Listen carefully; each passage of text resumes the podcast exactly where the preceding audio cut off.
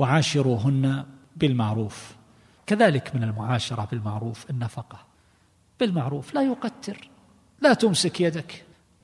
وكان الله عز وجل قد وسع عليك لا داعي لمثل هذه التصرفات والتقتير.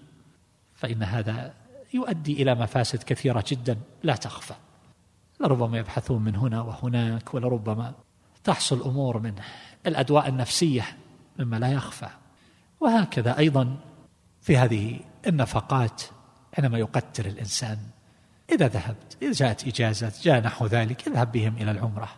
واجعلهم يسكنون في مكان يرتاحون فيه قريب من الحرم إذا كنت تجد. وفي مكان واسع لا داعي أن تجمع أسرة كاملة في غرفة. أو في مكان بعيد يمشون ويتعرضون لأخطار وسيارات أو يركبون من سيارة لأخرى وحر وعناء. لا حاجة إذا كنت تجد. وسع عليهم.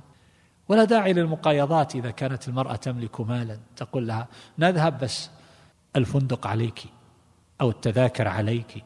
هذا ما يصح ولا يليق. أبدا أبدا. وإنما اذهب بهم وأعطهم وأعط كل واحد منهم مصروفا يشتري هدية لصاحبه لصديقه يشتري شيئا لنفسه.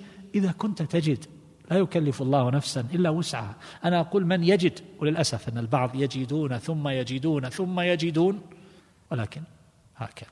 ويسلط الله عز وجل عليهم فيضع ماله في مساهمة. أو نحو ذلك وتذهب أموال كثيرة مما لو أنه جعل أولاده هؤلاء ينعمون ويسكنون في أفضل الأماكن والفنادق شهرا كاملا من أول رمضان إلى آخره فإن ذلك لا شيء بالنسبة للذي ذهب عليه في تلك المساهمة. وهذا شيء مشاهد يقتر ويسكن بعيدا. عن الحرام. ويذهب بهم فيشقون معه. تقدير على كل شيء ومحاسبة على كل شيء على الطعام والشراب و... لماذا هذا؟ وهذا كثير وهذا قليل وهذا كذا ويكفي هذا عن هذا ويكفيكم اليوم. واليوم ما في داعي العشاء لا حاجة إليه. مصاريف ما لها حاجة. ثم تذهب أمواله. أدراج الرياح بطمع بمساهمة ونحو ذلك.